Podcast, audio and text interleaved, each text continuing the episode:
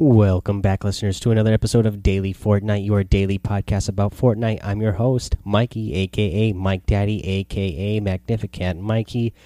Man, this weekend we had so many fun things going on at PAX West. You know the the Lazy Links. Uh, we had the Durrr Burgers going on. They were giving out free burgers and popsicles. You know the the weather was great in Seattle uh, for this event. Uh, you know, it was in the 70s all all the way through. Uh, people don't realize, you know, when they come to my city and they visit, you know, everybody thinks it's you know rain here all the time. But I'll tell you what, Seattle's a secret hidden gem in the summer. We got beautiful, beautiful summers here. You get that nice sun on the water, especially out there in Puget Sound and Lake Washington. You can spend your time out there. Good stuff. And man, this weekend we also had some sweet reveals at PAX West. You know, with the high stakes challenge and the new grappler event, and uh, I mean the grappler item and the uh, high stakes event with the uh, new costumes and skins and all the unlockables we're going to be able to get. Uh, you know, that was all fun. PAX is over, but you know what? The fun is never over with Fortnite. So let's get into it. There's a lot of stuff still to talk about. Uh, you know, we had you know eight million dollars given away uh, over the course of the summer skirmish, the eight weeks. Uh, you know, JD Courage, he was uh, casting the event uh, the la uh, for PAX West. You know, and he reminded us on Twitter that uh, there is still $92 million left to give over the next year for competitions. Because remember, at the beginning of the summer, Fortnite announced that they'd be giving away $100 million total in in different events over the next year. Uh, we're just eight weeks into it, so there's 92 million dollars left still to go. Uh, so keep practicing, keep uh, you know playing. Uh, if you play just casually for fun, that's great too. But if you're one of those players out there who is wanting to get in one of these tournaments and uh, play, don't feel left out because you didn't get in on the summer skirmishes. Uh, there's still lots of money left to be given away from what they said they were going to be giving over the next year. Uh, let's see here, uh, some actual game news here. So, due to a critical controller issue, version 5.4 will not be released until Thursday, September 6th. Uh, this was announced via Twitter uh, from Fortnite, and uh, that is means that they're also going to push back the high stakes challenges instead of coming out on Thursday, since that's the day that the update is going to come out.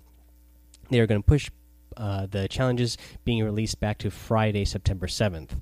Uh, you know, the some good news though is man, if you love the soaring 50s, uh, those are back now. So 50 v 50 is uh, soaring 50s again. I really like having that um, little uh, quirk to the game added in there. It makes it a lot of fun.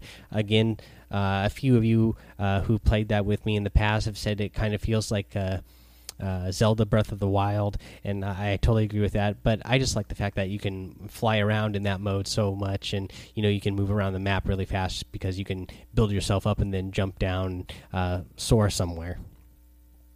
Uh, let's see here. You know what? Uh, yesterday, I said we would talk about how to get the secret battle star for uh, the week 8 challenge, but guess what? There is no secret battle star this week. Instead, there is a hidden banner on the uh, of Tomato Head, and uh, so you're gonna get that week 8 loading screen, and uh, at the base of Tomato Temple, there is a banner that looks like uh, the new Tomato Head with the crown on it. So you're going to want to land on the side of Tomato Temple when you are looking at the temple. You see the face of the Tomato Head, and there at the base you will find a, a banner uh, at the bottom. It's a purple banner with the uh, Tomato Head guy on it and then uh, again wearing the crown. And so you'll get a new banner uh, for uh, the banners. And i think that's really great because a lot of the banners aren't i never really pay attention to my banner or anybody else's banner uh, because none of them are really that amazing. But this one actually looks really cool. Uh, i would love uh, for them to put a banner out of the burger guy. And you know it'd be cool if they did one for the cube as well. I think that's a fun way uh, to keep it going because obviously we at this point we've already unlocked the secret road trip skin uh, for doing this seven weeks of challenges and I think it's fun that they are giving us uh, some new some other new items uh, even though uh, you know for these weeks challenges even though we've already unlocked the enforcer Uh, let's see here. Let's do a tip of the day. And I've I recently talked about loadout, and I'm actually going to be trying something out new.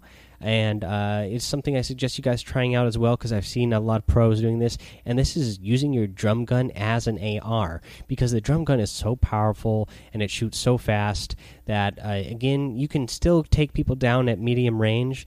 Uh, that um, that you don't really need an AR if you're carrying around a drum gun.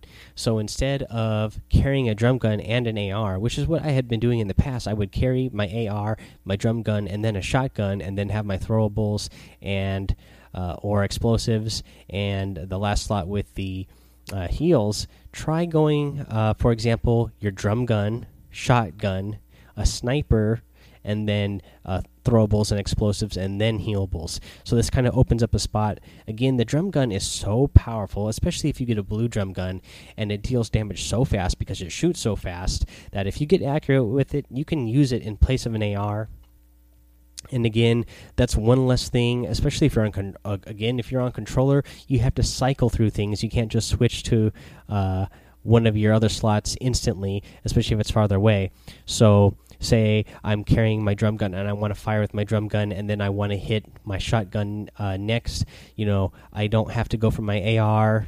You know, if I was going, if I'm shooting from my AR and then I wanted to get to my shotgun in my normal loadout, I would have to uh, switch over two slots, and that takes a little bit extra time. But if you're just going from your drum gun straight to your uh, shotgun, you're only going one slot over, and uh, you'll you'll be able to do it a lot faster and you know you don't have to spend that extra time switching your guns. Again uh, you know what i suggest also though is you know shooting with your shotgun first. Uh, if you find yourself in a situation where you're right next to somebody right away that you uh, weren't expecting shoot your shotgun first and then switch over to your drum gun because there's not as much of a equip uh, equip time from going from uh, shotgun to drum gun versus going from drum gun to shotgun. Uh, so I would do that. And then because even, um, you know, even if you don't kill uh, kill your opponent right away with the shotgun. You'd say you don't land the headshot with a heavy shotgun and uh, get them. say you just land a body, body shot and take down their shield. The drum gun shoots so fast, you're going to take that opponent down uh, right away, anyways. So that's what I would suggest. Try that out. I'm going to be trying that out as well. Uh, just carrying a drum gun instead of an AR if I pick up a drum gun, and that gives me an extra slot to carry again. Uh, you know, an extra extra explosives or you know picking up that sniper which is something i always need to be practicing with anyways i i'm not that good with them so i hardly ever carry the sniper but if i use this loadout it'll force me to be carrying a sniper that way i will use it more often and get more practice with it so that i will be getting better uh, with my sniper Alrighty, guys, that's all I got for today. Just want to remind you real quick you can support Daily Fortnite. Go to uh, anchor.fm slash daily fortnite hit that listener support button. But a great free way to um, to support the show is to rate review and subscribe over on itunes. Leave a five star rating written review.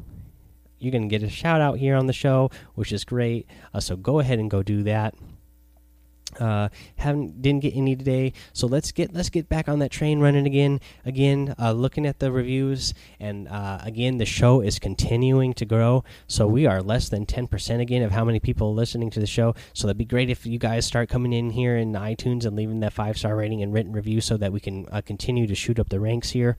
Uh go ahead and uh join the discord server let's see here. Uh, follow me over on twitch and hang out with me there.